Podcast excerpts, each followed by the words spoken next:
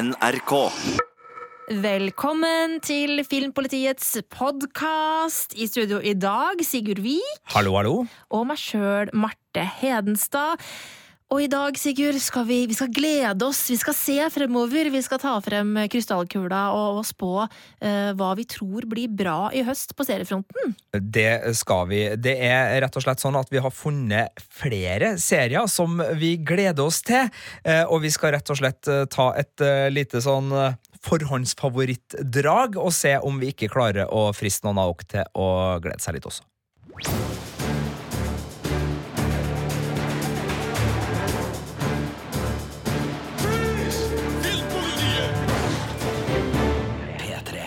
Men før vi setter i gang med de seriene vi gleder oss til i høst, Marte, så er det jo en kjensgjerning at det her er jo noe vi har gjort tidligere også. Vi har gledd oss til serier, eh, og så ha, har liksom ikke verken folk eller oss sjøl kanskje hatt muligheten til å stille oss som eh, gleder seg til-folk eh, til ansvar. Ja. Eh, så jeg tenkte, vi laga jo ei eh, liste over serier vi gledde oss til i sommer. eh, før sommeren. Det gjorde vi. Så jeg tenker, Skal vi starte med å bare gå gjennom den lista og se hvor gode er vi egentlig til å glede oss? Altså, Er vi kapable gleder oss til folk? Altså, Har vi, har vi fagbrev i det her? Altså, Er vi til å stole på? Altså, gleder vi oss til de rette tinga? Ja, og Det er litt skummelt å starte podkasten med det, for det kan jo hende at folk etter å ha gått gjennom den lista sammen som oss bare tenker sånn. Å, der var jeg ferdig med Filmpolitiet. Takk skal dere ha. Eh, men herlighet, man må jo leve litt. Absolutt. og det kan jo også være at folk tenker sånn Ja, ok, ja, jeg skjønner hvor den gjengen her eh, holder på med, og, og vi ser jo en del serier. Ja, det Så, så, gjør vi. så sånn sett så, så har vi jo litt greie på noe av det vi kanskje snakker om. Eh, Vi setter i gang med en liste. La oss gjøre det. Ja. Eh, på lista som eh, ligger da på Filmpolitiet sine nettsider, så har vi da Det er jo ikke en rangert liste, Nei, nei, nei. Men bare den som ligger øverst, bare sånn i den faktiske listen på internett. Der står det Big Little Lies sesong to. Ja, Den gleder vi oss til i, i sommer. Og uh, du skal få svar. Uh, innfridd Big Little Lies sesong to. Eh, ja, jeg kosa meg masse med den sesongen. Eh, den som innfridde aller mest, det var jo Meryl Streep. Eh, men det var jo ikke en like god sesong som den første sesongen. Det var det ikke. Nei, men vi gledde oss, og vi har også spilt inn en egen spesialpodkast om Big Little Lies sesong to, hvor vi går gjennom både det vi likte og, og ikke likte. Men jeg, jeg sier at vi får tommel opp på den. Absolutt. Ja. Nummer to er The Righteous Gemstone, som Ja. driver og går på HBO Nordic. eh, og vi kan også si at Big Little Lies ligger på HBO Nordic, for dem som lurt, lurte. Men Ja. altså The Righteous Gemstones det er da eh, John Goodman, Danny McBride og Adam Devine i en uh, komiserie om en predikantfamilie. Eh, jeg har jo uh, kosa meg med den. Jeg også. Ja. Jeg, eh, Du har sett på den, du òg? Ja, jeg strømmetipsa den eh, på, på Det var vel i en, eh, en radiosending da du ikke var med. Eh, så det Så Nå ble jeg, oppriktig glad, Marte. Ja, nei, for den er dritartig. Ja. Og den er jo, konseptet er jo kjempemorsomt. Altså, eh, predikantfamilie som er liksom så eh, flotte og fine og på utsiden, men så er det bare grådighet og griskhet og dritt på, bak fasaden. Det er veldig morsomt. Ja, Så to av to så langt. Uh, nummer tre er serien Too Old To Die Young, som ligger på Amazon Prime, og som er laga av danske Nicolas Winding Reften. Ja. Den har jeg på lista mi fremdeles over serier jeg skal se, men jeg har ikke begynt på den ennå. Har du begynt på den? Jeg har ikke gidda å sette den ennå. Ok, det her er litt problematisk, uh, men Birger Vestmo har anmeldt den for Ja. Filmpolitiet til terningkast fem, så jeg sier tre av tre.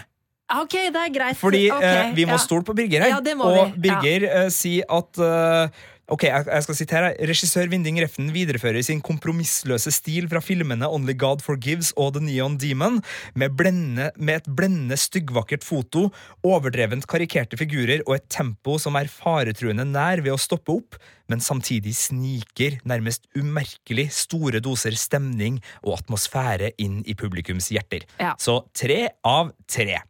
Så kommer vi til Succession sesong to. Yes. Og i likhet med forrige serie, så er det en serie jeg gleder meg til fremdeles. Ja. Fordi jeg har ikke begynt med den.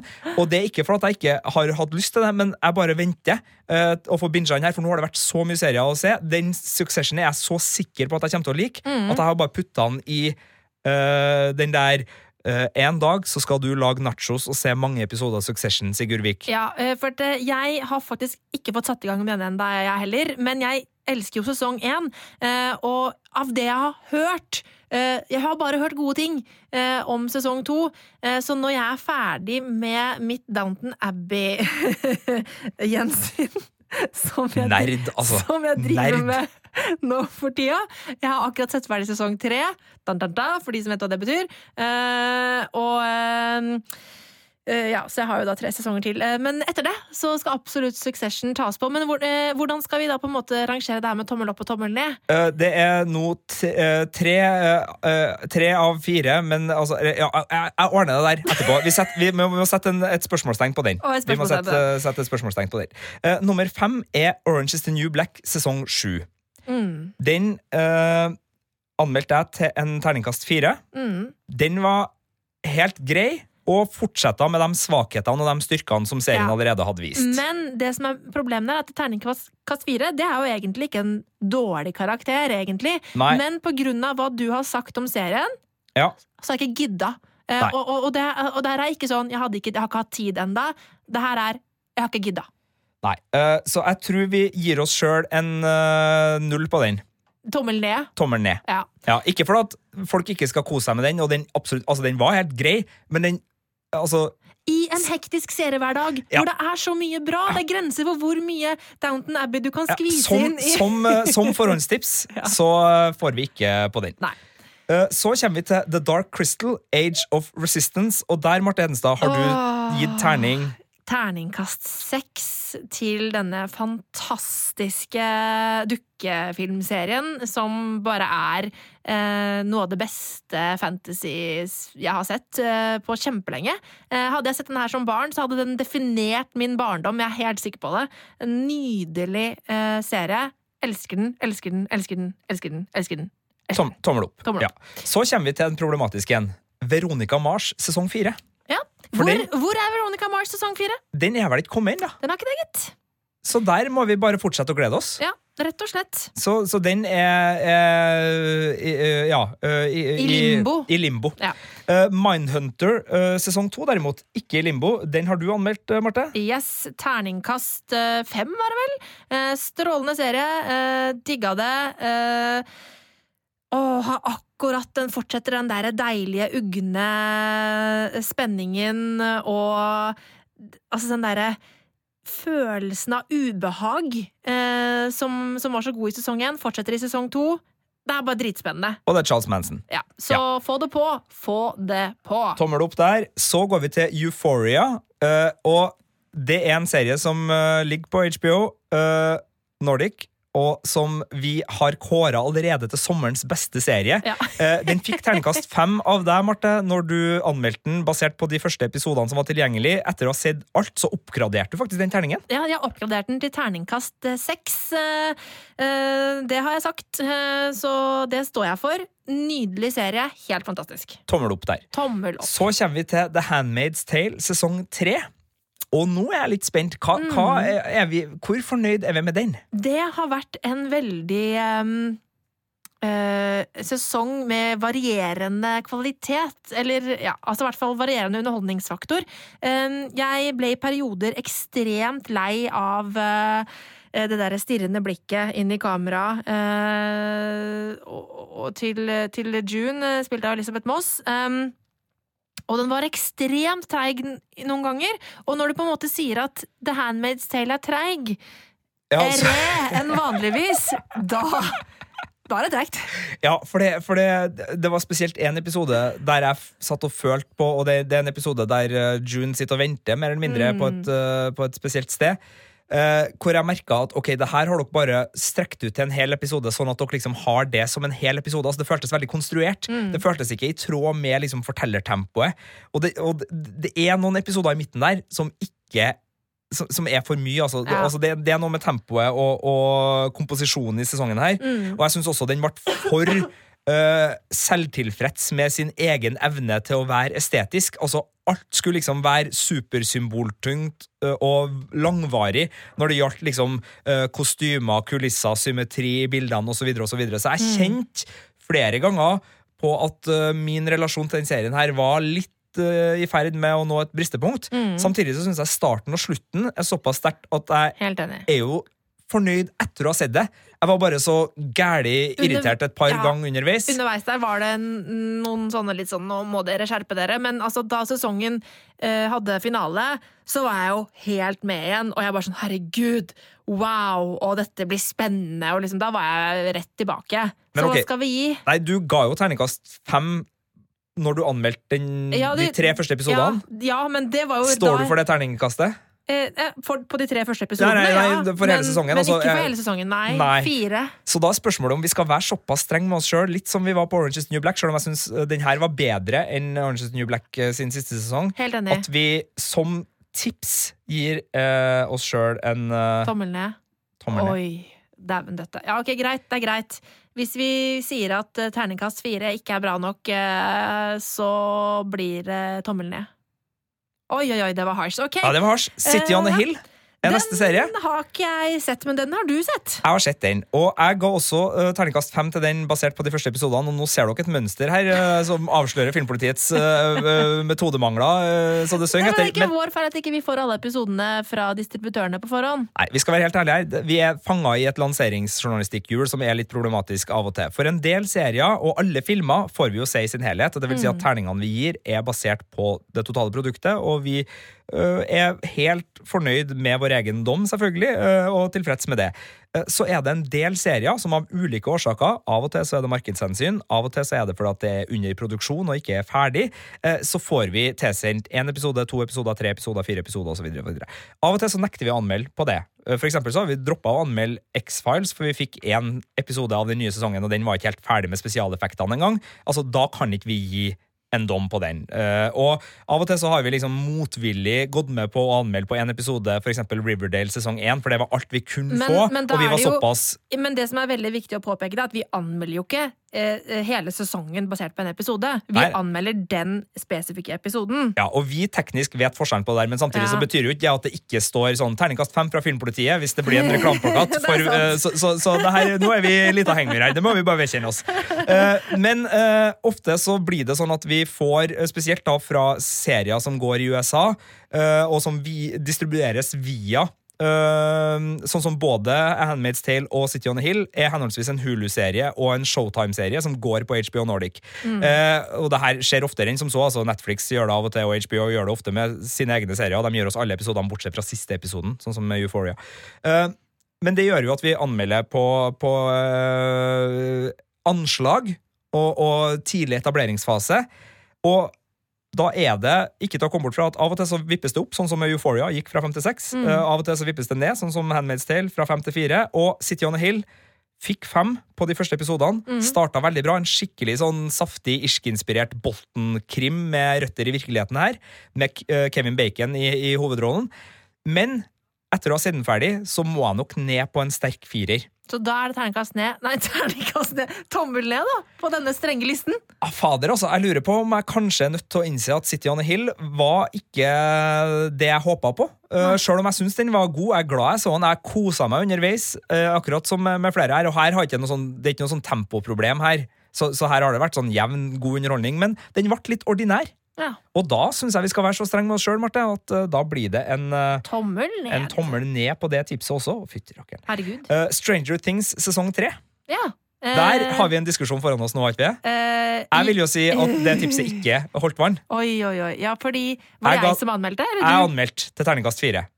Ja, men jeg kosa meg mer enn deg, ja. Ja, og du var ikke Ja. fornøyd med at jeg var så streng og Stemmer ga terningkast fire? Uh, ja, Uh, jeg uh, har jo Det er jo masse ting man kan diskutere og være negativ over med Stranger Things, selvfølgelig.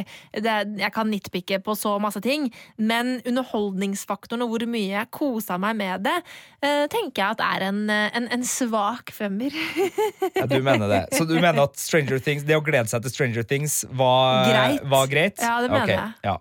Eh, Du skal få den. Eh, For jeg merka at eh, jeg er ikke så Altså, det er mange som som er enig med deg, Uh, har jeg merka både i innboks og, og andre plasser. Men jeg holder fast på at jeg var skuffa. Ja. Uh, Men jeg, jeg skal gi den. Men det betyr da, av tolv serier, så Ja. hadde vi én, to, tre, fire, fem, seks, sju tomler opp. Okay. Altså det var sju som funka. ja, To er i limbo. ja. Fordi det ikke har kommet ennå? Nei, fordi Succession har ikke ja, vi fått sett. det, eh, og Veronica Mars har ikke kommet ennå. Ja. Og så har vi da uh, tre som ikke sto seg. Eh, det var da Handmaid's Tale, City on a Hill og Orange is the New Orange Black. is New Black. Men det er ikke så verst, det det. er ikke så verst, det. Altså, jeg syns vi kommer sånn halvgreit unna her når vi vurderer vår egen innsats. Og eh, Mange lærere og andre vil jo mene at det kanskje ikke er helt riktig at man skal liksom bedømme sin egen innsats, men her i Filmpolitiet eh, så gjør vi tydeligvis eh, det, og da fikk vi eh, Vi, vi sto til laud. Filmpolitiet. Filmpolitiet På P3. Så da vet du altså øh, hvor, hvor gode vi er til å, til å gjette på hva som blir bra, eh, når vi nå går inn i denne Hva vi gleder oss til i høsten-delen av podkasten. Eh, I likhet med eh, forrige liste, som også da er selvfølgelig en nettsak, det går an å gå inn på Filmpolitiet sine sider og, og lese, så er ti serier vi gleder oss til i høst, en eh, ikke-rangert listesak med ti serier vi uh, gleder oss til i høst. Uh, så har fire av dem her vi skal snakke om nå, kommet allerede, så da får dere litt sånn uh, evaluering underveis her. Yes. Men jeg tror vi bare går gjennom det sånn som den uh, artikkelen er på, på nett. Og Ok. det er bare å gå inn der. Den ligger ganske høyt oppe på Filmpolitiet sine sider, så der finner dere en eh, ti serier vi gleder oss til i høst. Og P3.no skråstrek filmpolitiet. ja, og vi satt vannskille på sommerlista på 31. august. Det vil si Mm. at Dark Crystal kommer på sommerlista, fordi den kom i august. Yes. Uh, fra 1. september av så er det høst, og det varer fram til jul. Ja. Uh, og den første serien har allerede kommet. Ligger på Netflix nå. Kom forrige uke. Heter The Spy. Har Sasha Baron Cohen i hovedrollen som en historisk eh, skikkelse som heter Eli Cohen, som var en israelsk spion på 60-tallet. En dobbeltagent som opererte i Damaskus i Syria.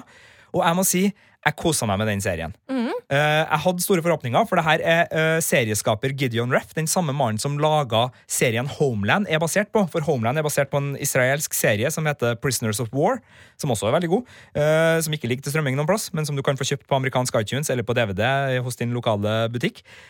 Men Eli, nei, Gideon Reff har jo da vist at han mestrer det her, og når han da får Netflix-penger og hjelp av Sasha Baron Cohen i hovedrollen, så, så blir det bra. Det som interesserer meg mest, kanskje, i tillegg til at dette er gripende, viktig historie som virkelig setter premissene for uh, relasjonen mellom Israel og naboland på en måte som er historisk eh, fengende og interessant, er at vi har jo sett Sasha Baron Cohen som Borat, som Ali G, som en person som går rundt og prøver å overbevise folk om at han er noe han ikke er. Og det er jo i essensen det han gjør her òg, for han er dobbeltagent. Ja. Så her ser vi liksom uh, Sasha Baron Cohen spille Eli Cohen, som spiller og øh, overbevise folk i Syria om at han er en syrer som heter uh, Tabat etter etternavn. Jeg husker ikke hele Ja. navnet. Men, men det er et sånn fascinerende metaperspektiv da, på, på The Spy. Men det er seks episoder. Det er, Og bare, jeg må bare understreke Jeg understreker det hver gang vi snakker om denne serien. Dette er ikke en komedie! det er ikke en komedie. Ja. Overhodet ikke. Det er et historisk drama. Uh, veldig lekker fargepalett, veldig gjennomført tidskoloritt, veldig interessante samtaler, gode relasjoner. Så er det også en sånn serie der det hilses på arabisk og snakkes på engelsk rett etterpå, så, så den, den er liksom veldig tilrettelagt en dramatisering. Men uh, jeg likte The Spy godt. Eh, Seks timer Netflix-underholdning som er uh, god for dem som digger The Americans, dem som digger Homeland, dem som syns at uh, ventetida til neste sesong av Le Byrå er litt lang, osv. osv. Den er ikke på samme liksom, høyde som Le Byrå. Men den er solid og, og god. Så jeg sier eh, tommel opp til første, første tips. Så en serie vi ikke har fått sett enda Vi har bare sett smakebiter men den er norsk. Den foregår i finansmiljøet i hovedstaden vår og heter Exit, Marte. Ja, og den eh, får premiere på NRK eh, 27. september. Og det her handler jo da Altså, det skal visstnok være basert på Eh, historier fra virkeligheten eh, om alt eh, det sprøe og sjuke som, som skjer da, i, i, eh, dette litt sånn rikmannsfinansmiljøet.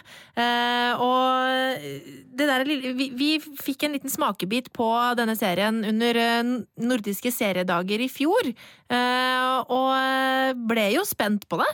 Ja, ja, ja, og, og trailere og alt viser jo en serie som jeg tror både er mørk, dyster, øh, morsom og fæl og artig Ja, ja, ja, ja, ja. og øh, skrekk i ja, altså, det, det er mye på en gang her.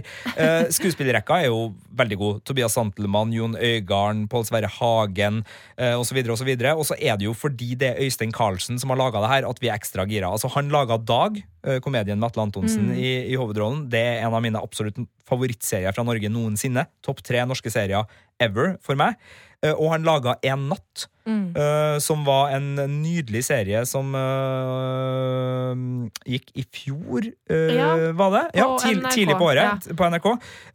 som egentlig er en date i Oslo, uh, filma i real time, uh, men den er jo mye mer enn det. Altså, det, det er en uh, nydelig, nydelig To, to serie. mennesker som blir kjent med hverandre, eh, som får utspille seg på helt nydelig vis. Skal ikke si så mye mer enn det. Nick Cave på soundtracket og, og masse, masse godt der. Men, men eh, Øystein Karlsen har jo bevist, da, både i tospann med Kristoffer Schou, men også som, som både manusforfatter og regissør, at han virkelig har en teft som er helt sånn eh, innertier, da. Eh, og det har litt med smak å gjøre, så jeg skal vedkjenne meg her at jeg, har, jeg er veldig svak for det Øystein Carlsen gjør. Jeg liker stilen hans, jeg liker evnen han har til å ta tak i det norske samfunn og finne ei underside som er både troverdig, sår, morsom og, og ja, smart. Ja. Uh, og, og det håper jeg jo at vi skal få se i, i Exit også, som da kommer med alle episodene samtidig til strømming uh, på NRK TV, altså på nett, uh, men har også premiere på NRK1 eh, da den 27. Altså, september. jeg, jeg har en eh, hjerneeksplosjon i hodet mitt nå. Det, Mens du snakka nå, eh, Sigurd, så gikk jeg bare inn for å dobbeltsjekke at En natt fortsatt er tilgjengelig i eh, NRK sin strømmetjeneste tv.nrk.no. Og der, der er det bilde av svenske My Anna Buring, som spiller hovedrollen, eller en av hovedrollene. Og så ser jeg på fjeset hennes, og så bare Dæven døtte! Er ikke det hun som spiller Edna i Downton Abbey! Det er jo det. Og det er det! Ja. For Jeg driver jo og ser igjen uh, Downton Abbey nå! Og, Og, det er jo vi, hun! Det har jeg aldri tenkt over før! og du har nevnt Downton Abbey to ganger allerede i Ja, podkasten her, har du ikke? Å, herregud! Ok, jeg beklager. Jeg, må, jeg måtte bare få det ut. Ja. Det er sjukt! Ja, Ok, ja. Beklager til alle andre som ikke det- bryr seg om Downton Abbey, men jeg er i en Downton Abbey-boble om dagen. Det her er en podkast via serienerding, Marte, og du, du er i- godt innafor. Det, det her er helt greit. Men Exit, altså, eh, på NRK. Og så ligger Dag på TV2 Sumo. Og muligens i Netflix. Det lå i Netflix en Ja, periode. det. Eh, og En natt da ligger også på NRK TV fremdeles, Ja. Mm. så det er mulig å sjekke andre Øystein Carlsen-serier der. Absolutt. Agnes Kittelsen tror jeg også skal være med her, så det, det er masse gode skuespillere som også har jobba med Carlsen før. Ja, Ja, ja, ja, ja, ja. Så uh, til Star Wars, Marte. Fordi ja. Ja. The Mandalorian. Ja. Det Altså, hvis vi skulle ha rangert disse seriene, så er jo den en av de vi har ikke rangert Nei, de vi her har ikke, men hvis vi skulle Marte, vi har ikke rangert okay. Vi gleder oss i hvert fall veldig eh, til denne serien, eh, som, som da foregår i, i Star Wars-universet, eh, og med Pedro Pascal. Eh, altså han som spiller Oberyn Martell i Game of Thrones. Fantastisk skuespiller. Ja, og i Narcos. Ikke sant? Han er strålende. Jeg, jeg gleder meg altså så mye til dette Bounty Hunter-eventyret her. Ja, for her kan liksom fans av Bubba Fett fra Star Wars-filmene og Clint Eastwood eh, glede seg, for her skal vi visst ha en hovedperson som har klare likhetstrekk med, med begge de to. Eh, så, så det er jo mye, og, og, og den skal da spilles av Pedro Pascal, så, Ja. så det er mye å glede seg av her. Uh, handlinga er satt ca. fem år etter uh, Jedi-ridderen vender tilbake, eh, og det skal være en slags space western, mm. det her også, da. Eh, Og det elsker vi jo. ja, vi gjør det. Eh, enten det er i Firefly eller det er i Star Wars, så er vi glad i space western. Eh, og det tytes jo Star Wars-material ut av Disney. Uh, virkelig. Og vi får jo en ny uh, vi, altså vi får jo slutten på Skywalker-sagaen på kino uh, senere i år, med The Rise of Skywalker, Mm. som, som kommer der. Og men, men det- er noe eget ved The Mandalorian som virkelig bare fenger den underholdningsglade gutten i meg. Det er noe helt sånn veldig sånn tilbake til lekerøtteren av Star Wars her. Altså, jeg får lyst til å kjøpe meg eh, Mandalorian-figurer og sitte og bare liksom pew, pew, pew, pew. You're coming with me, sir. Yeah, you're um, Ja, ikke sant? Jeg skal uh, roe ned biten der. Men, men det, det er, den, den trigger noe, noe voldsomt. Og så Ja. vet vi jo ikke med sikkerhet om den kommer på strømming i Norge eller ikke, fordi det her er den ene serien det er litt usikkerhet rundt. Disney pluss, ny strømmetjeneste, lanseres i USA eh, den 12. november. Mm. Kommer også til Nederland da, og til Canada da. Og så kommer den en uke etterpå til Australia og New Zealand. Men det er de lanseringene vi vet. Og vi vet ikke lenger om altså Vi vet ikke ennå om Norge blir med i liksom førstebåsen, eller om de venter noen måneder med å, å etablere det i Norge. Så det kan bli over nyttår. Det kan også hende at de øh, slipper serien en annen plass. Altså, for eksempel så vil det være ikke umulig at amerikansk iTunes selger denne serien episode for episode mot slutten av året. Kan være en mulighet. Men vi vet ikke. Så uh, A New Hope is our hope uh, i denne uh, sammenhengen. Vi håper uh, på The Mandalorian. Vi vil i hvert fall at dere skal vite om den, Ja. og glede dere til den. For det her, øh, og, og i, i disse serietider, Veronica Mars unntatt, det er sjelden at serier ikke dukker opp uh, med en mulighet øh, for å få bli sett i, i Norge sånn Absolutt. relativt Mm. kjapp. Altså. Uh, neste serie er en serie du allerede har sett og anmeldt, eh, Sigurd. Undone. Den har et spesielt visuelt uttrykk, kan du si. Ja, Det er en animert eh, serie som ligger hos Amazon Prime nå. Kom på fredag, eh, som var, eh, så det er en ganske fersk, eh, fersk sak, det her. Eh, Skapt av Bojack Horseman-folkene, altså dem som lager Bojack Horseman-tegneserien, holdt jeg på å si, den animerte serien som ligger hos Netflix. Eh, Og har Bob Odenkirk, som spiller Saul Goodman i Breaking Bad og Better Call Saul, og Rosa Salazar, som spiller Alita i Alita Battle Angel, i, i hovedrollene. Eh, og så brukes det en spesiell teknikk som heter rotoskopering, som gjør at eh, det er ikke bare stemmene vi får fra disse skuespillerne, det er også utseendet og mimikken og faktaene og bevegelsene deres på en helt annen måte. Altså Rotoskopering det er det du har sett i a-ha sin Take On Me-video eh, og i en del filmer. Så det er en gammel teknikk der man streker etter eh, Mm. Uh, på, med ulike teknikker, og, og jeg kan ikke nok om det til å gå inn i hvordan det har blitt gjort her, eller hvordan det foregår, men det gjør at du får et, en, en likhet da, som er, er slående. Samtidig så er det bygd en verden rundt, blant annet med bruk av oljemaleri og sånn, som det her foregår på. Og så er det en serie som handler om uh, så forskjellige ting som psykisk helse, uh, traumer, schizofreni, tidsreiser og et mulig mordmysterium. Eh, og måten uh, serieskaperne, og spesielt da de som har laga animasjonene, bruker den fysiske verdenen vi lever i, og liksom fysikkens lover, og knuser dem på deiligste vis med animasjoner som går mer inn på det surrealistiske, det psykedeliske, og hvordan vi av og til opplever ting.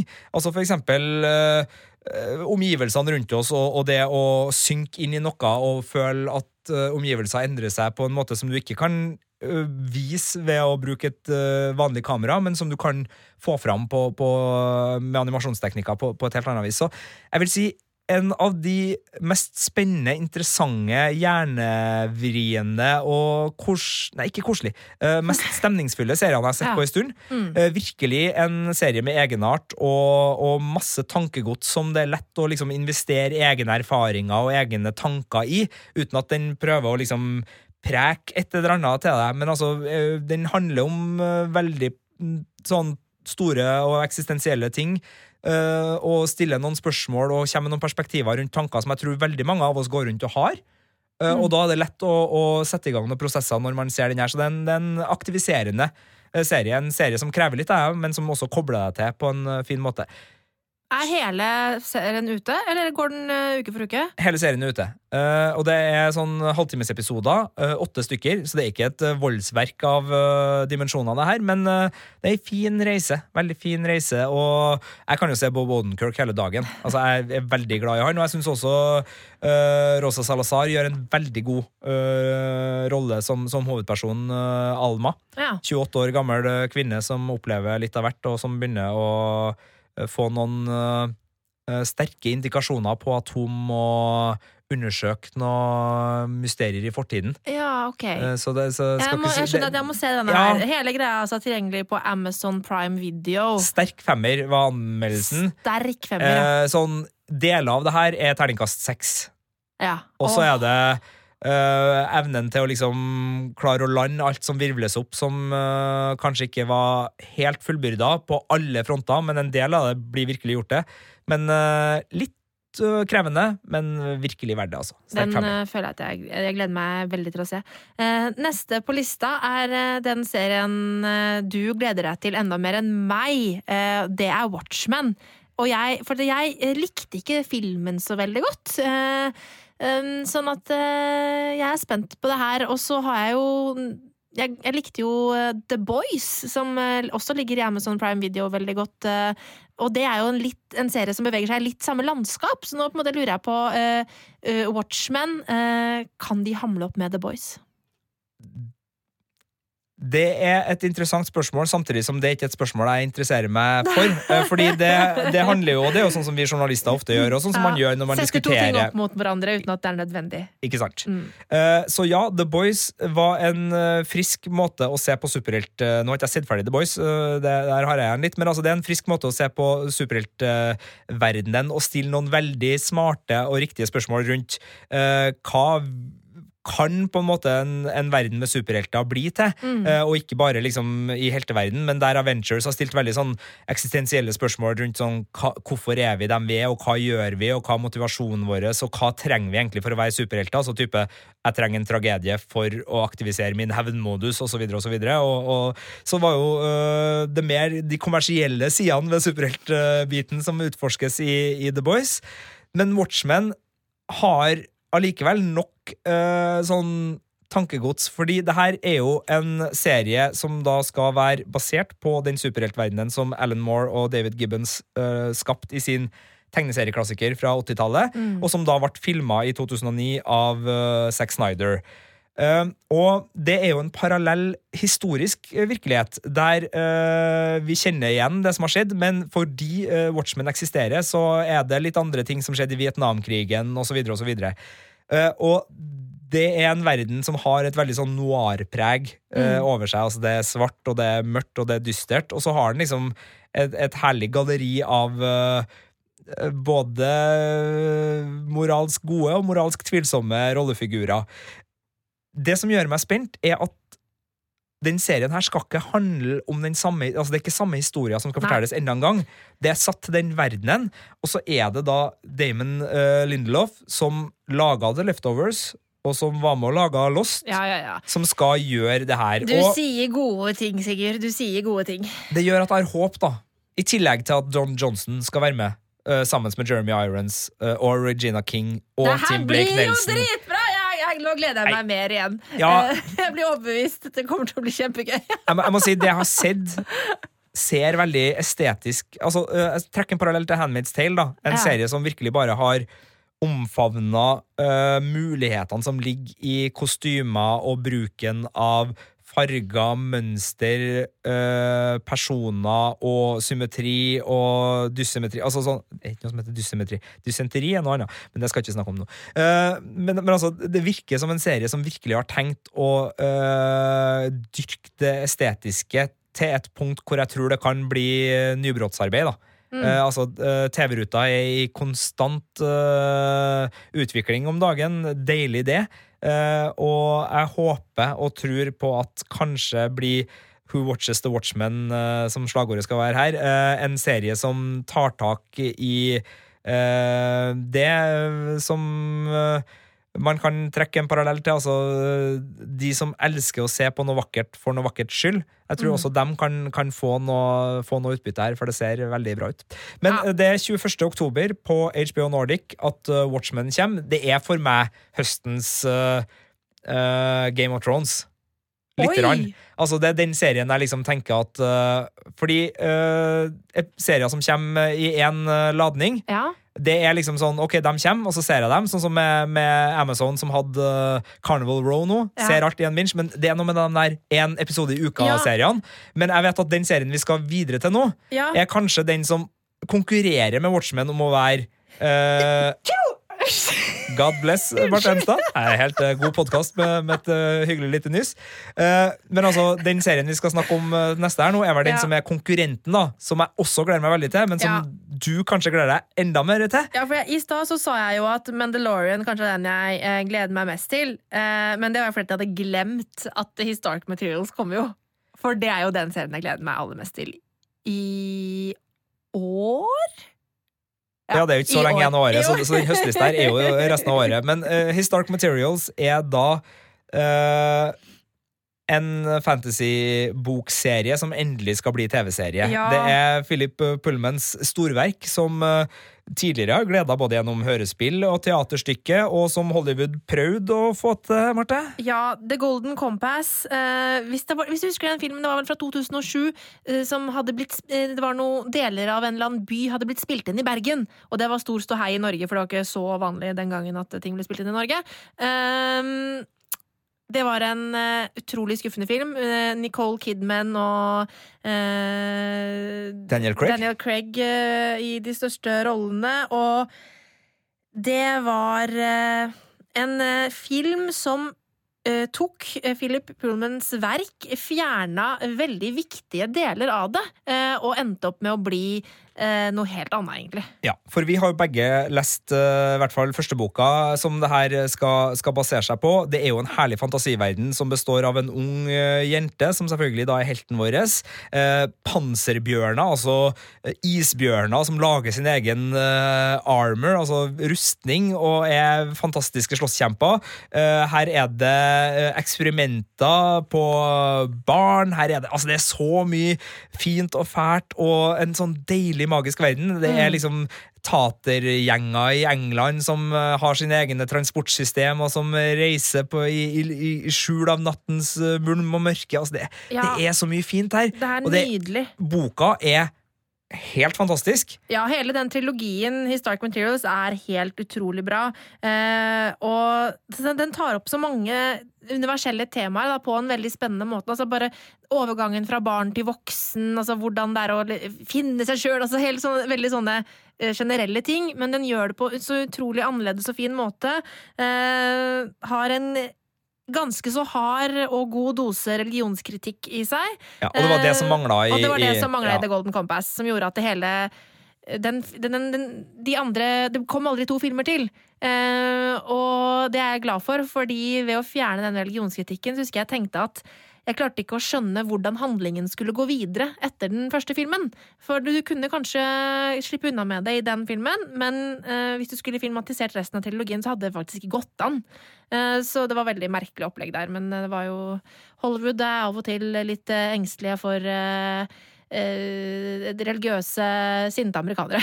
det er helt riktig. Eh, denne gangen så er det et samarbeid mellom BBC og HBO, så vi, mm. vi er jo ikke uh, veldig bekymra. Uh, det er Jack Thorne som har skrevet manuset. Han har også skrevet teaterstykket Harry Potter and The Cursed Child, mm. som jeg mm. dessverre ikke har fått uh, oppleve enda i levende livet, men som er en sånn våt London-drøm. Ja, jeg har lest stykket i bokform, men det er jo ikke samme i det hele tatt. Nei, vi må komme oss dit, Marte. og så er det James McAvoy og Ruth Wilson som spiller to veldig sentrale rollefigurer, uh, som da var spilt av eh, Nicole Kidman og Daniel Craig i, i, i filmen. Mm. Men den vi er mest spent på, er jo Daphne Keane, som skal spille hovedrollen Lyra. Mm. Uh, Daphne Keane så vi i filmen Logan for et par år siden, der hun uh, var så rå Uh, actionheltinne uh, som det går an å få. Ja. Uh, og Lyra-rollen er jo en ganske sånn handlekraftig, snarrådig uh, tenkende, men allikevel handlende rollefigur ja. slash helt. Mm. Uh, så det å få Daphne Keane her kan bli en av uh, høydepunktene i, i, serieåret 2019, altså, tror jeg. Ja, jeg håper. og altså, det vi har sett av trailere, ser jo kjempebra ut. Um, og ut ifra hva jeg har hørt og lest og alt mulig, så, så har jeg så stor tro på det her. Og jeg, jeg, håper at uh, denne serien her vil åpne øynene til folk for uh, Philip Pullman, som er en strålende forfatter også. Ja. Herregud, jeg gleder meg så mye til det her. Skal vi ta en uh, test på Marte Enstad her? av de kommende fantasy-seriene som kommer, hvilken gleder du deg mest til av følgende? His Dark Materials, Wheel of Time-serien Lord of Rings, uh, Lord of the Rings-serien. Ja. Eh, dette er jo Sophie's choice. Eh. Ja. Nei, det er Martes choice. Men, og jeg vil gjerne at du rangerer dem. Ja, ok. Men det, det, er faktisk ikke så veldig vanskelig. Det er The Wheel of Time på førsteplass. Fordi jeg elsker The Wheel of Time. Selv om der Det er en god dose frykt Eh, i den eh, Det er skrekkblandet fryd, fordi jeg gruer meg også kjempemye. For jeg er redd for at de skal ødelegge dette universet som jeg elsker så høyt. Um, så det er jo ja, en skremmende glede seg til-følelse. Men den er på nummer én. Uh, og så er faktisk Historic Materials Eller er det fordi den er så nærme? Å, herregud! Fordi altså dette er veldig vanskelig. Og sånn foregår det på kontoret vårt i Filmpolitiet ganske ofte. Vi stiller hverandre spørsmål. Og det er jo kjempespennende. Som fører til resonnement som skal være ganske enkel, men ja, som nei, Det er ja. kjempevanskelig. Um, akkurat, men akkurat her og nå så gleder jeg meg jo helt sinnssykt til Historic Materials, fordi den er like rundt hjørnet. Men uh, vi får se, da. Det er jo kjempelenge til Lord of the Rings. Ja. Dessverre. Uh, det er ikke så lenge siden. De, har- de, de har bestemt seg for hvor de skal spille inn nå, ikke de? New Zealand. Eh, det blir egne eh, Ringenes herre-TV-seriepodkaster fra Ja, Filmpolitiet. Eh, Tro dere eh, oss. Eh, neste serie Nei, Historic Materials. Premiere på HBO Nordic. Ja. Eh, er det 4. november? Jeg tror det er 4. november. Eh, Det kan Eh, stemme. Sjekk det, folkens. Bruk internett, men jeg er ganske sikker på at det er 4. november. Jeg har det ikke foran meg Ja, akkurat nå. Okay, ok. Eh, Litt uh, dårlig av meg. Ja. Eh, fordi den kom, den eh, nyheten kom eh, ganske her i uka som var, tror jeg. Det stemmer, det stemmer. det stemmer En annen serie som kommer i november, er den neste serien vi skal snakke om. Eh, og her tror jeg jeg, må eh, trekke Ja. på meg samme type gleder seg til som du viste nå. For Rick and Morty sesong fire Å ja da! Ja da! Så bra igjen. Rick and Morty sesong fire kommer eh, i november, og det er eh, min absolutt favoritt eh, animerte serie, og det, er, og det sier ganske mye om dagen, fordi Bojack Horseman nevnte Undone, uh, og Big Mouth og Animals og Tales from the Ja. Og det, det er så mye bra som lages av uh, Ok, det her høres mye mer cheesy ut uh, på norsk, men altså Ja. Si det. Adult animation. altså animasjonsserier som ikke mynter på barn, er vel egentlig det som man snakker om her. Når du sier til og med det, høres skittent ut. Ja, alt, alt blir litt rart. Men, men øh, det, det- er uh, min absolutt soleklare favoritt. Uh, når vi skulle bestemme hvilke plakater vi skulle ha på Filmpolitikontoret, så var det mitt bidrag. Jeg vil ha en Rick and Ja. Morty-plakat. Jeg syns det er uh, deilig sprøtt, full av smart og aldeles idiotiske påfunn som inkluderer fysikk og øh, astronomi og bullshit-filter på, på deiligste vis. Og den alkoholiserte best, bestefar Rick, øh, vitenskapsmann, og den lett udugelige, men allikevel småfornuftige sønnesønn Morty, nei, dattersønn Morty, er, er, ja, det, det, er, det er helt nydelig. Uh, Justin Roland og Dan Hammond har klart å skapt noe helt fantastisk her. Jeg tror eh, Ja. Uh, jeg tror det er mm, Netflix som kommer til å ha sesong fire. Jeg er ganske sikker på det. Den, eh, det er jo ikke en Netflix-serie, men jeg tror det er dem som har pleid å, å vise den i Norge, så jeg regner med at den kommer dit. Og da vil den nok komme ukentlig. Det gjorde i hvert fall sesong tre. Dagen etter den hadde blitt vist i USA, så kom den på, på norsk Netflix. Ja. Og uh, ifølge Instagrammen til Rick and Morty så er det november som da er måneden for sesong fire. Neste serie på lista, det er eh, Netflix sin Game of Thrones. Jo, men det- jeg, det- men jeg hater egentlig at journalister gjør det der. eh, Men jeg, men jeg klarer ikke dy meg for å gjøre det sjøl. At på en måte sammenligne alt med Game of Thrones, og at på en måte alle strømmetjenestene skal ha sin Game of Thrones. Og det er jo eh, noe sannhet i det, men eh, det er ikke sånn at man automatisk kan sammenligne alle fantasy-serier med Game of Thrones bare fordi det er fantasy. Men nå må du si hvilken serie det er. The Witcher. Det er The Witcher. Ja. Eh, basert på en eh, spillserie fra Uh, det, CD det, Project Red som ja, det, er- det er polsk selskap, ikke? Riktig. Ja. Uh, som igjen er basert på en, en bokserie. Ja. Uh, også veldig Andrej populær sådan. Sapkowskis bøker. Det var veldig bra uttalt, Sigurd. takk. Men det her er jo et, et veldig spennende univers, det også. Eh, og også eh, en storsatsing fra, fra Netflix, som har eh, ansatt Henry Cavill i hovedrollen. Altså selveste Supermann. Ja, Maren som uh, ble havna i slagsmål med Tom Cruise på Prekestolen. Uh, sorry at jeg spoiler forrige eh, Og- og- og- og den- Og den, den mannen som havna i det slagsmålet, er også mannen som ødela for, eh, for eh, trynet til seg sjæl i eh, den forrige DC-filmen. For de, måtte jo animere bort barten. For de hadde, de hadde vært tilbake for reshoots for uh, eh, nei, Avengers, ja, hva heter den? Uh, Justice League. Justice League. Uh, og da hadde Henry Cavill bart, som de har måttet animere vekk. Eh, og det ser faen ikke ut. Det ser helt jævlig ut. I Justice League. Nei, Nei, ikke det- Justice League. Uh, er det den heter? Jo, jo, jo. Ja, sorry. Den blanda med Suicide Squad. Ja, Justice League. Ja. Ja. I, i, I alle reshoot-scenene uh, i Justice League så ser hele fjeset til Henry Cavill animert ut. Har du ikke lagt merke til det? Nei, eh, og jeg har faktisk eh, Jeg kjøpte meg den Justice League-filmen på 4K eh, Blu-ray for å for jeg, Det var den eneste filmen jeg ikke hadde sett da jeg kjøpte meg en ny sånn 4K-spiller. Så tenkte jeg jeg må få testa på et eller annet, og så, så bare kjøpte jeg den. Men jeg satt og snorka meg gjennom den filmen, tror jeg. Den var Det er veldig bra du sier snork, fordi jeg har sett Justice League tre ganger, men jeg har aldri sett den. Grunnen til at jeg har sett den tre ganger, er at jeg har prøvd å se den, og så har jeg sovna hver gang! Jeg, jeg husker ikke hva han heter om. Jeg husker ikke hva han handler om engang. Jeg husker virkelig ikke hva Justice League handler om. Det Det er ikke der han derre Warhammer eller noe sånt? Er det? Ja, ja, ja. Og, Det, og, det, og det eneste jeg husker, er trynet til Henry Cavill, som er fullstendig herpa pga. reshoots hvor han hadde bart, og de måtte animere det bort. Ok, men denne gangen så er han også uten bart, men med langt, hvitt hår nedover ryggen. Der har han eh, et sverd, et svært sverd, Yes. og han er øh, kledd i noe som kunne ha funka både i Mad Max og i Game of Thrones, tror jeg. Altså, det er en Ja. sånn veldig sånn finfletta liten skinnbunad han har fått seg der, den gamleste Skinn, du er veldig skitten i språket i dag. Hæ, er skinnbunad skittent? Ja, det hørtes skittent ut.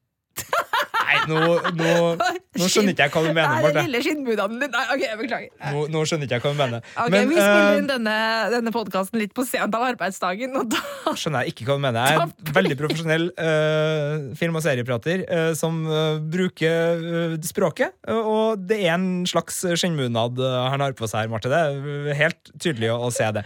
Uh, Poenget Men- er at han spiller Geralt of Rivia, som er en eh, en, eh, en witcher som eh, er da en slags jeger. Monsterjeger. Monsterjeger med litt spesielle evner. For i denne verden vi befinner oss i, så så er det da en verden full av store monstre. Men hva er det, hva er det eh, catchphrasen holdt jeg på å si til taglinen til serien er? Uh, I en verden hvor folk ofte viser seg å være verre enn monstrene. Gud bedre. Jo, men altså, Grunnen til at vi gleder oss til det her, er jo fordi at Netflix har putta så enormt Ja. mye penger og prestisje i prosjektet. Uh, og uh, du har i hvert fall kosa deg veldig med spillene. Har du det? ja, den siste. Witch, det tredje Ja. Witcher-spillet. Ja, Men eh, fikk terningkast fem eh, av oss. eh, Rune Håkonsen var det vel som anmeldte det for Filmpolitiet Mm. back in the day. Jeg har ikke spilt der, så jeg er bare begeistra ut fra hva jeg vet om eh, serien, og, og hva jeg skjønner tematikken skal være. Men, men det er jo sånn at når eh, en av de virkelig store strømmegigantene putter såpass mye penger og prestisje, så må det jo bare Marco Polo bli bra. Nei da. Det kan bli eh, det, altså, Den her er vel den jeg er mest skeptisk til òg. Er det det, ja? Ja. Nei, altså, jeg Altså Ikke at jeg er skeptisk til konseptet, men jeg frykter at falløyden her er Nei, Altså, Den her kan være eh, Henry Cavill går på trynet i monsterjakta si, altså. Nei, jeg håper at den ikke er det. Og, og hvis vi skal sammenligne med uh, Grunnen til at vi nevner Marco Polo, var at det var en mm, vanvittig storsatsing fra uh, Netflix, uh, som ikke gikk så veldig bra. Eh, men Den ligger på Netflix ennå, tror jeg. den gjør det. ja, den, den, blir bare ikke sett. Den blir bare ikke sett. Av og til så dukker den faktisk opp som sånn anbefalt for meg. Og jeg er Ja. bare sånn What you doing, Netflix? What you doing? Anyhow, jeg tror at dette her blir bra fordi Netflix ikke kan feile. Altså, de, har ikke råd til å feile, og, det, og det sier jeg på grunn av at fanskaren til The Witcher er så svær. Eh, at jeg tror virkelig de har liksom De har jobba hardt. Ja, det har de gjorde de jo med Marco Polo òg, sikkert. Nei, jeg vet Ja, ikke. ja, ja. Nei, altså, så, Eh. sånn er det. Men eh, greia er jo om de liksom klarer å skape ei historie og en verden som Mm. funker. For du er avhengig av to ting når det gjelder fantasy, og vi snakker mye om fantasy i denne podkasten, her, det vet dere. Vi er, vi er nok eh, bygd i den eh, retningen. Eh, Men det, det, må, det må svinge av både den verdenen som skapes, både når det gjelder eh, teksturen, utseendet og følelsen den gir av liksom sånn Er det her alt, eller ligger det enda Ja. mer her? Altså Klarer en å, å skape en sånn magisk forventning til at her kan det poppe opp ting ut fra veggene Mm. og ut fra skogholtene og ut som, som tar meg med på nye eventyr. Altså De må skape den eventyrfølelsen da, i, i den verdenen. Og så må det være historie som eh, har framdrift. Og jeg syns f.eks. en serie som Carnival Row, som nå ligger ute på Amazon Prime, Mm. har det ene, men ikke det andre. Eh, jeg syns den hadde en veldig fin verden. Ja. Men selve plottet i den serien, serien var litt uh, bakpå. Den var ikke dårlig, men for meg så ble det en terningkast fire-serie, for jeg syns spenningshistorier, altså mordetterforskning i den her uh, altså fe- og uh, centaurverdenen, ble, ble for tynn. Men jeg syns selve verdenen var fantastisk. Mens du Ja, jeg ga den terningkast fem fordi eh, jeg valgte det, Men jo, eh, vi snakka jo om eh, den femmeren. Eh, at for meg er den terningkast fem, men jeg kan forstå at folk gir den terningkast fire. Fordi nettopp pga. de innvendingene du hadde med plott, at krimdelen kanskje ikke satt eh, som et skudd. At det, den var jo litt rusha mot slutten av sesongen og sånne ting. Eh, men jeg kosa meg så innmari mye i det universet. eh, I den der følelsen av at dette her er bare en liten bit av noe større. eh, At eh, det, det var nok for meg, da. Ja, og jeg tror nok Netflix vil uh, havne på godfot med Witcher-fansen hvis de lykkes med akkurat det. Mm. Eh, jeg tror det er det viktigste for dem å lykkes med, i hvert fall i, i, det henseende. Og Netflix har også et litt ru- rufsete rykte, mye på grunn av at Marte Hedenstad hudfletter dem for det hele tida, med at noen Ja. av uh, deres eh, sci-fi og fantasy-serier har uh, vært harelabb når det gjelder å få verdenen til å se bra ut. Altså, de, Ja. har, de har slurva og, og rusha en del uh, produksjoner til det, og ikke brukt nok uh, penger på å få det til å se bra nok ut, rett og slett. Mm. Samtidig som de har eh, vist at de kan når de vil. Altså, Dark Crystal var jo helt magisk, og uh, Altered Carbon, en annen serie som Ja. ser altså, de, de tar seg flid og får det til å se bra ut, og Marco Polo så for så vidt bra ut, Ja. Produksjonsdesignet i Marco Polo Ja. var veldig bra. Der var det vel mer kanskje var... Det ble kjedelig. Ja. Det ble, ble kjedelig eh, veldig fort. Men um, jeg tror The Witcher eh, er avhengig av å, å lykkes med å skape den verdenen til en eh, sånn plass, og så Mm. håper jeg at de klarer å bygge ei, ei kul historie rundt det, og at det ikke bare blir en sånn her generisk monsterjeger. eh, fordi Uh, nå skal jeg ikke Nå skal jeg være å, nå, Hvorfor kommer jeg til å si det her? Hvorfor, skal, hvorfor sier jeg det her nå? si Men altså, jeg, jeg tror det er lettere for et spill å komme unna med en generisk storyline enn det er for en serie som skal være såpass stor. Ja, men Det tror jeg du har rett i, fordi at i et spill så blir du en del av opplevelsen selv. Ja. Eh, og du er jo med å forme, selv om, selv om historien ofte er lineær, så er du med å forme opplevelsen ut ifra hvordan du spiller.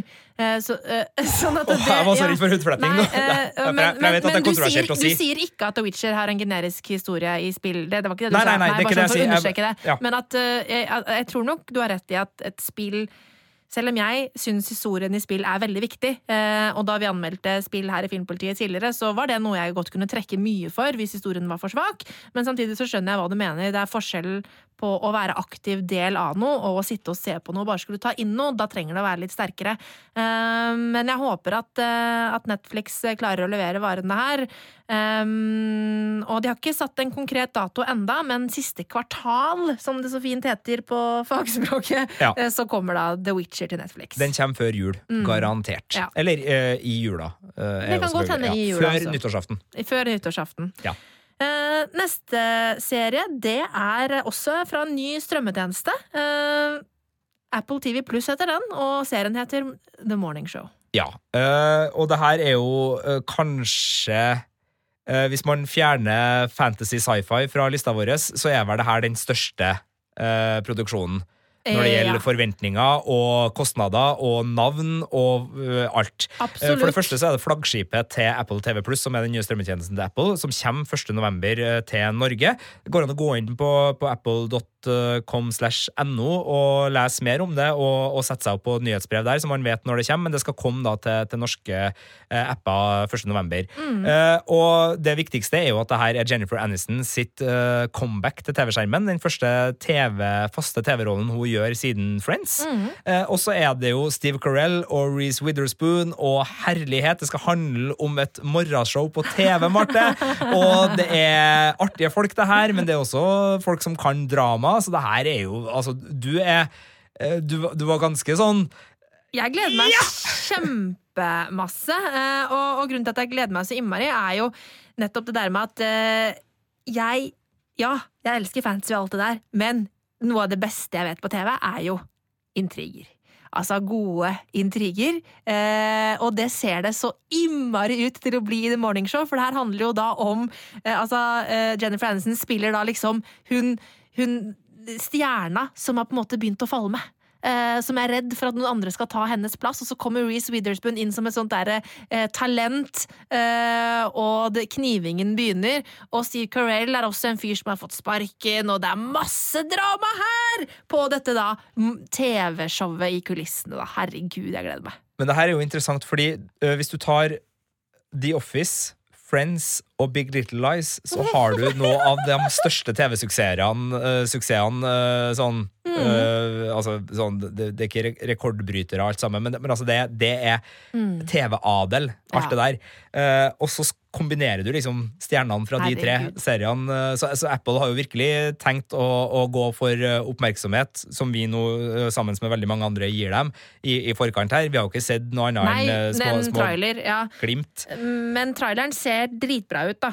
Det gjør det, Eh, og, ja. og jeg liker veldig godt altså, øh, Du snakka jo om The Newsroom, Mm. øh, og det er jo ikke noe tvil om at øh, fra liksom Altså Serier som klarer å bruke arbeidsplassen som liksom ei, ei gryte hvor, hvor alt kan skje, er god, og jeg er jo spesielt glad i eh, journalistserier. Ja. Og, og for så vidt også som politikkserier. Jeg syns jo liksom eh, alt som er av liksom Newsroom og West Wing og The Office, og jeg syns jo The Loudest Voice, som tok for seg Fox News nå, altså jeg, jeg liker sånne settinger veldig godt. Enig. Og jeg tenker at det her kan eh, bringe fram det beste fra de skuespillernes eh, eh, historikk, da, hvis eh, Steve Carell får lov til å bringe litt The Office-magien i det her. Jennifer Aniston kan ta med seg We're on a break, eh, litt eh, Friends eh, Skriv noen lange brev om hva som må godtas før unnskyldninga er godtatt, Ja. og. Eh, nå er jeg ikke på. Ross' side her, altså. For all del, jeg er ikke på Ross' side. Begge var litt urimelige i den og saken. Reece Witherspoon kan ha med seg den eplekjekkheten og den frekkhetens nådegave som hennes rollefigur i Big Little Lies har. For hun er jo ikke en som lar seg pelle nevneverdig på nesa der. Eh, fy, ja, det Herregud, her jeg gleder meg. Altså, eh, eh, hvis du som hører på ikke har sett The Newsroom, som Sigurd nevnte, så ligger den i HBO Nordic, anbefales på det varmeste. Eh, men jeg tror nok at eh, det ikke er like fullt så mye fokus på virkelige nyhetshendelser eh, i eh, The Morning Show. Jeg tror det er mer intriger og drama, eh, men det er helt greit. Og så må vi ikke glemme at Steve Carell har spilt i nyhetsshow tidligere. Eh, Anchorman 1 og Anchorman 2 eh, ligger eh, der ute på know what we're yelling about! I love lamp. Så eh, det, eh, vi vet jo ikke helt hvilken rolle han vil få på sikt. Det kan jo være at de har eh, tenkt å la, leke litt med filmhistorien. Hvem vet? Se nå for all del Anchorman. Jeg så igjen Anchorman 2 her om dagen. Gjorde det? Urovekkende OK. den her The Loudest Voice-serien, som handler om Fox News, som ligger på HBO Nordic nå, som kom i sommer, som har Russell Crowe i, i hovedrollen som eh, den nå avdøde sjefen for Fox News. Den viser jo veldig hvordan liksom, media eh, tok tak i en del sånn populistiske ting og gjorde det om sånn at nyhetsverden bare endra seg. Du slutta å gi folket det de trengte, men begynte å gi dem det folk vil ha. Uh, og det er jo en litt sånn Ja, fy søren, altså. Det skjedde, ja. Du, det er en sånn, litt sånn serie til ettertanke. Ja. Så så jeg Anchorman 2, og det er jo akkurat den historien de forteller òg, bare at det er Ron Burgundy som, eh, som gjør alt det her. Og det er en artig parallell mellom de to. Så hvis du har tenkt å se enten Anchorman 2 eller The Loudest Voice, kombiner dem gjerne til en eh, deilig Det tar bare sånn åtte timer å se alt sammen samla på en kveld. Det, det har du tida til, Uh, muligens. Nei, det var, det var en herlig liten double bill, altså. Anchorman 2 og The Loudest Voice. Uh, over til Marte Hedenstad. Ok, Apropos, uh, den neste serien heter The Politician. eh, men det handler ikke om virkelige politikere. Altså. Det han handler om eh, altså high schoolens eh, politikere, hvis, det kan si, hvis man kan si det. Nemlig elevrådslederne. Altså high school, da tenker du eh, altså, som du hadde High school på Ja, ok. Så det er ikke politikere. Ja, okay. Ja, Det er ikke sånn monster eh, det er Nei. ikke high schoolen, nei. Veldig bra. Ok, Eh, nå må vi skjerpe oss. Ja. Ok, ok. The Politician eh, den er eh, en high school-serie som handler om eh, knivingen om å bli elevrådsleder. Laga av Ryan Murphy. Og det er jo fyren som er gitt oss American Horror Story, Feud, Pose og gli. Eh, og ut ifra det jeg har sett, eh, så kan jeg si at det her ser ut som eh, Mean Girls, House of Cards, i en sånn herlig og rar miks, med en veldig sånn sterk visuell stil, da, som jo Ryan Murphy er ganske kjent for. Ja, altså Ryan Murphy er en serieskaper som til og med når han lager drittserier, så liker jeg dem på et vis. Ikke sant? Og det er ganske sånn snedig. Han laga jo også en serie som heter 911, som nå kommer med sin tredje sesong, som handler liksom om sånn beredskapsfolk, altså folk som jobber i brannvesen og i ambulanse og sånn. Og øh, den er så kynisk satt sammen, den serien. Altså, det sånn Første episoden så er det bare sånn her og det er en øh, baby som må reddes etter en toalettfødsel. Altså, de som har født, og så havner babyen i røret og sitter fast der, så man må liksom sprenge opp røret. Ja. Og så er det noen som har en slange på, altså sånn kvelerslange, og som øh, har gjort altså, Det er bare sånn der helt sånn superkyniske, elendige utgangspunkt. Men så blir det underholdende TV, for han er så saftig flink da, til å gå løs på uh, det drøyeste av det drøye og gi god underholdning ut av det. Ja, uh, og han, Du nevnte jo ikke American Crime Story, som han også står bak, stemmer, som da er dramaserien om OJ-saken og uh, dramaserien om mordet på Gianni Versace, som begge har vunnet Emmy de siste årene. Altså, han, han kan å skru Eller altså eh, vri ut saft av eh, ganske sånn eh, Ja, eh, ellers tørre omgivelser. Ja. Og, og skolepolitikk eh, er jo for meg ikke tørt, men altså det kan bli sobert. Men her ser jeg for meg at vi kommer til å få Ja. ganske sånn eh, juicy greier. For Grunnen til at uh, vi skal følge denne Peyton, da, som hovedpersonen heter, gjennom dette elevrådsvalget, er fordi at han har en plan. Og det er at han skal bli president i USA. En gang.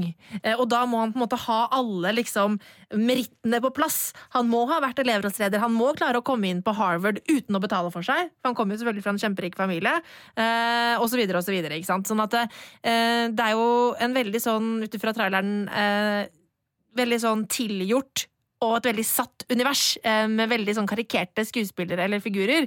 Eh, og det kan jeg like, men jeg tror nok kanskje denne serien kan bli en type elsk-hat, fordi den kan nok kanskje bli litt mye for noen. Men hvis du liker liksom sånn sterk visuell stil og litt sånn rare, tullete rollefigurer, så tror jeg det her blir bra, og jeg gleder meg skikkelig. Den kommer eh, veldig snart, eh, nemlig hva? 30.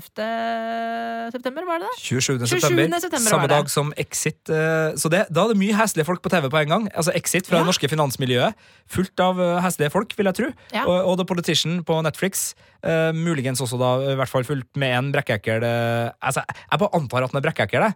Eh, ut fra beskrivelsen du ga. Men, Ja, uh, Fordi jeg mener jo at sånne mennesker som har de ambisjonene, og er i utgangspunktet fæle folk, det er jo ikke nødvendigvis sant. Det er jo en eh, fordom fra, fra min side. Men jeg, jeg tenker sånn, hvis, hvis du liksom vet at du skal bli president i USA, og det er målet ditt, og du liksom skal nå det for alle midler, da har du allerede liksom blitt plassert i min bok som en ganske sånn eh, dust, fæl eh, person. Ja. Så enkel er jeg. Ja, men det er greit. Uh, Sigurd, nå har vi preika på uh, om disse seriene. Eh, hvis du som hører på klikker deg inn på p3.no filmpolitiet, så kan du jo lese hele denne lista vi har vært gjennom nå. I tillegg til en haug med andre som vi, liksom, vi, vi slang på en del andre slengere som vi òg gleder oss til. Ja, Vi slengte på alle disse sånn For eksempel at The Marvelous Mrs. Maisel kommer tilbake med en sesong tre. Ja, Det gleder vi oss Og også at The Expanse til. Kommer tilbake med en sesong fire. Vi gleder oss til det òg, vi! Og at The Crown kommer tilbake med sesong tre. Altså andre ting som skjer i høst. Ja, Ja, det- du- men det det er at du allerede vet om du liker eller ikke. Ikke sant? Så du, du ser det der, du ser det der. Uh, er det noe vi har glemt? Er det en serie du mener at vi virkelig uh, må få med oss? Send oss en tipsmeld da, til filmpolitiet alfakrøll.nrk.no. Filmpolitiet På P3.